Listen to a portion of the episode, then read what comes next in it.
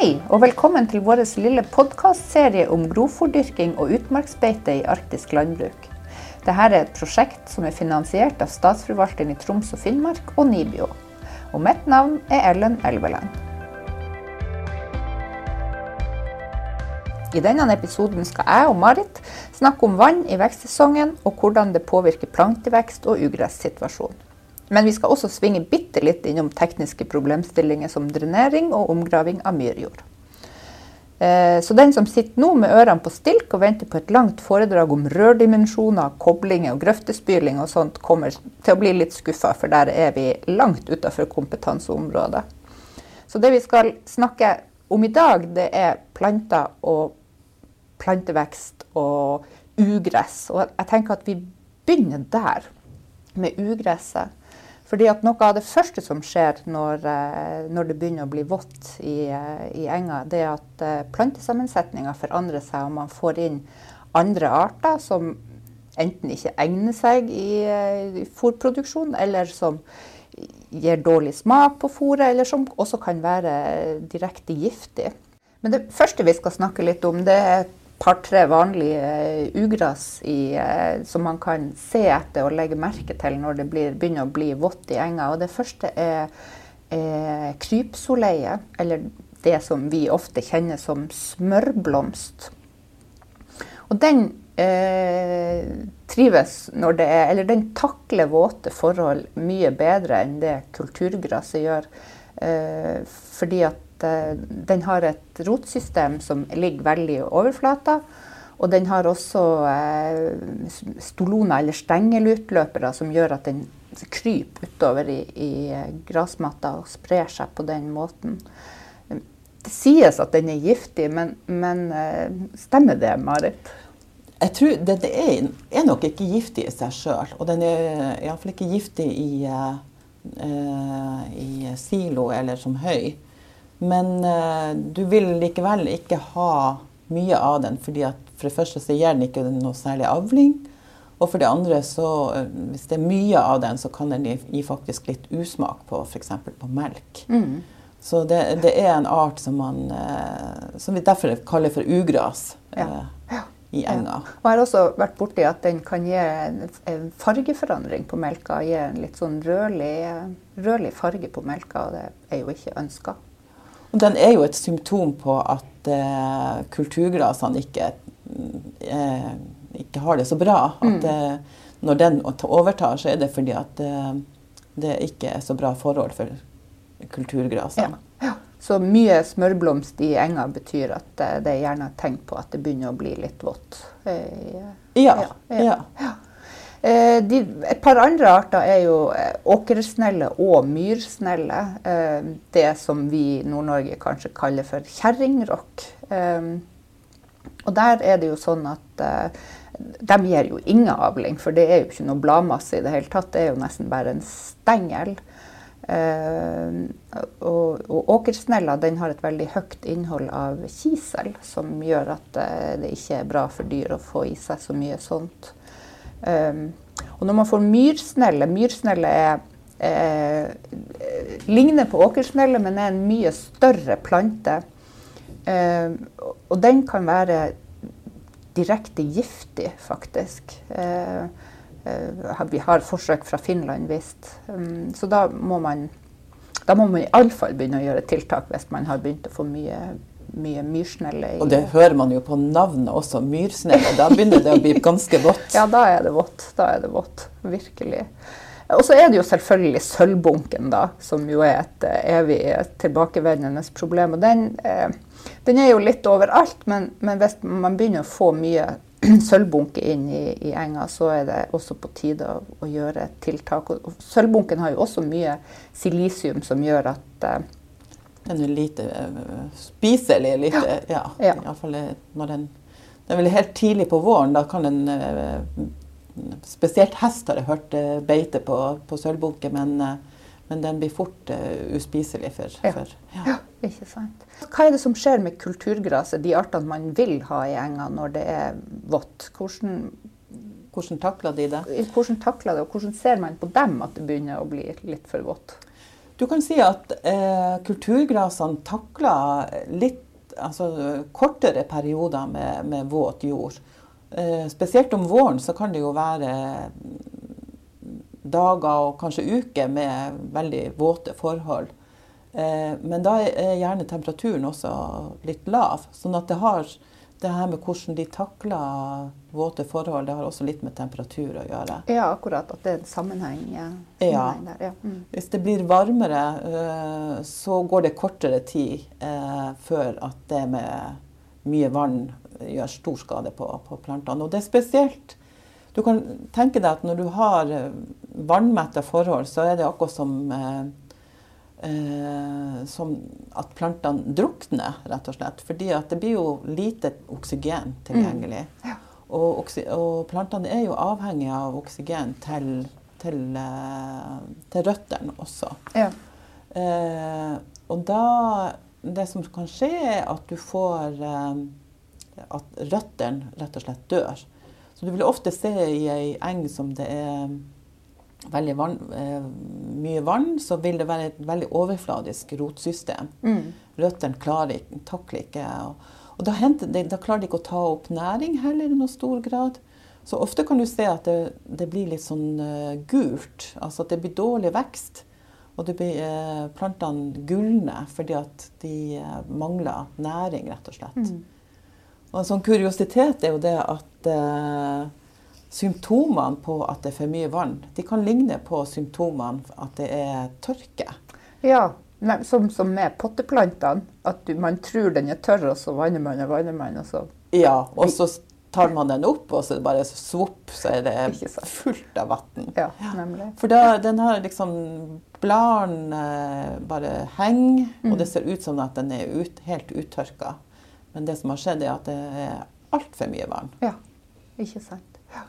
Eh, jeg tenker jo at det med at når rotsystemet blir så dårlig og, og lite, så eh, har det noe også med bæreevnen altså Det påvirker bæreevnen når man skal eh, utpå med store maskiner. det er jo klart det, sånn fordi at eh, rotsystemet er jo med på å armere jorda. Mm. og hvis du eh, har dårlig rotsystem, så, så, vil du ikke ha den der armeringa. sånn da får du en sånn dobbel effekt ut av. Ja. ja. Mm. Så, eh, men det var liksom vann på våren og vann i vekstsesongen. Men hva med masse vann om høsten? Fordi nå er det jo sagt at klimaendringen kommer til å gi oss mye, mye mer eh, nedbør på høsten.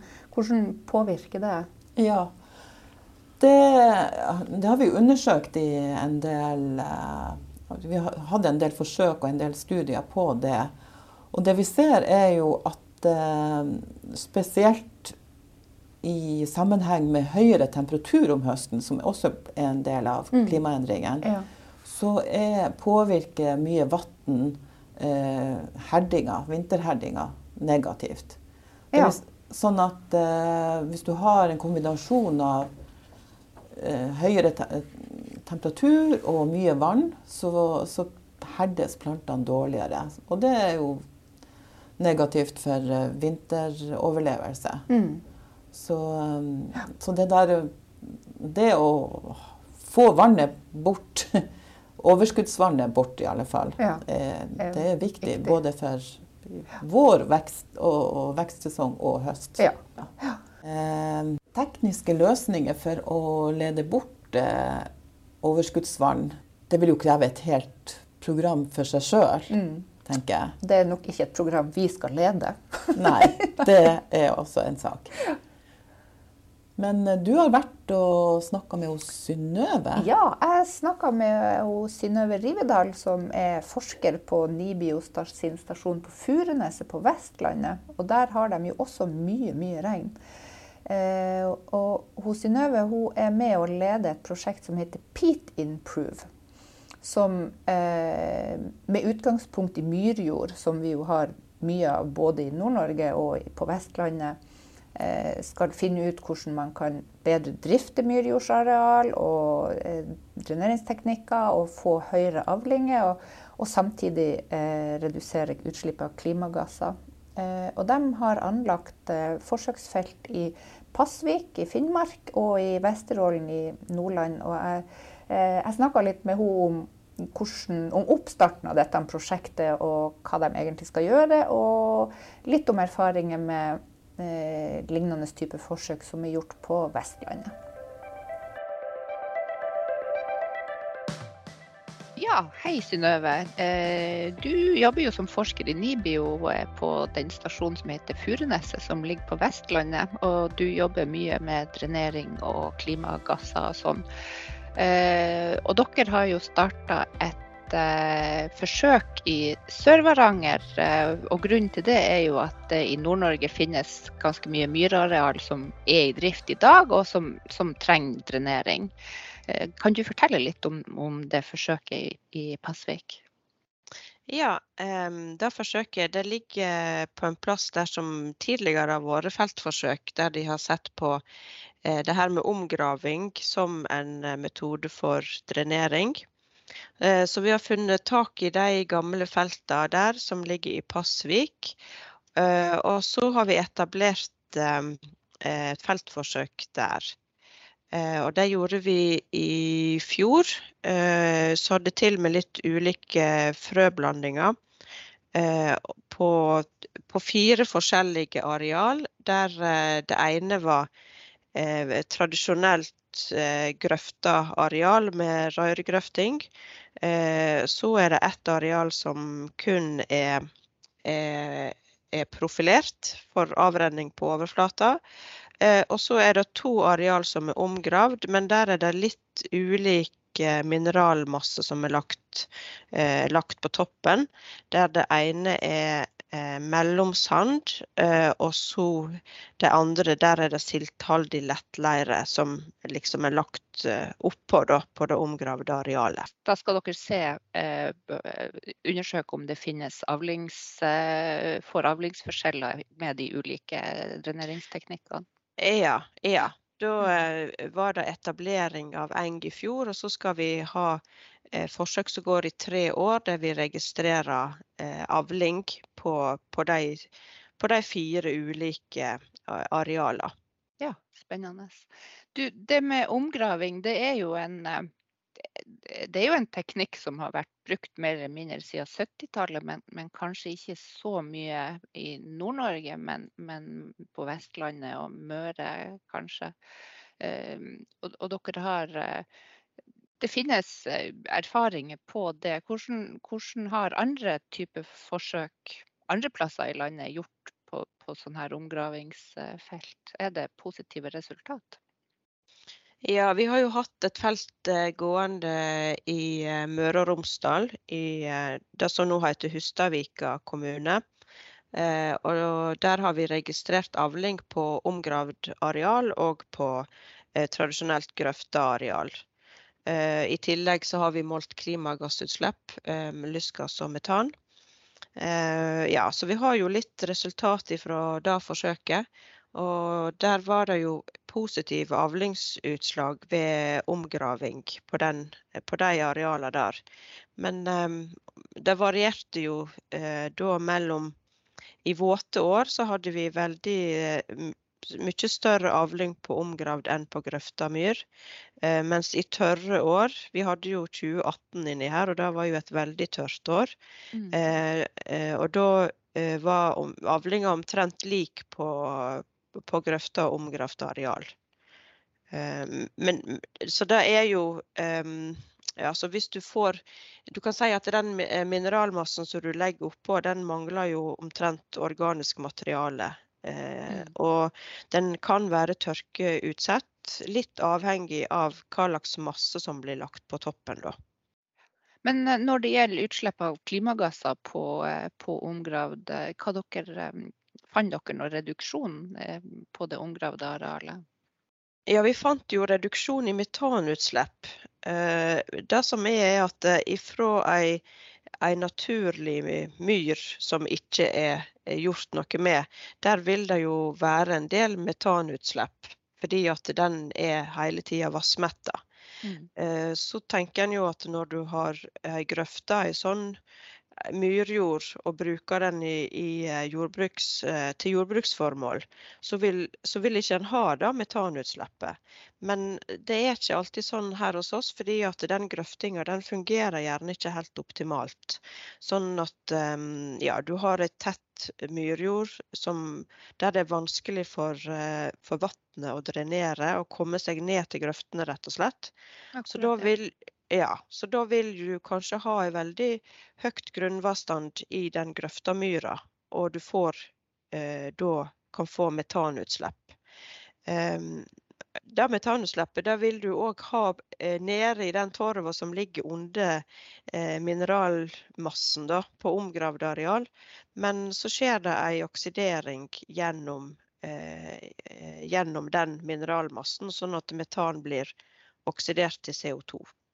Eh, men du, når det gjelder økonomi, eh, det er jo selvfølgelig en kostnad med å, å eh, omgrave kontra rørgrøfter. Dere, dere, har sett litt på det også. Hva dere fant ut der? Ja, I det prosjektet da, så, så innhenta jo han Torbjørn Haukås i NIBIO, som jobber med økonomi, han jo en del tall fra eh, entreprenører som driver med omgraving. Og Eh, kostnadene med å grave om de varierer jo ganske mye eh, ja, ut ifra hva slags utgangspunkt en har. Sant? Eh, mm. Det kan koste liksom mellom 10 000 og 30 000 kroner per dekar. Ja.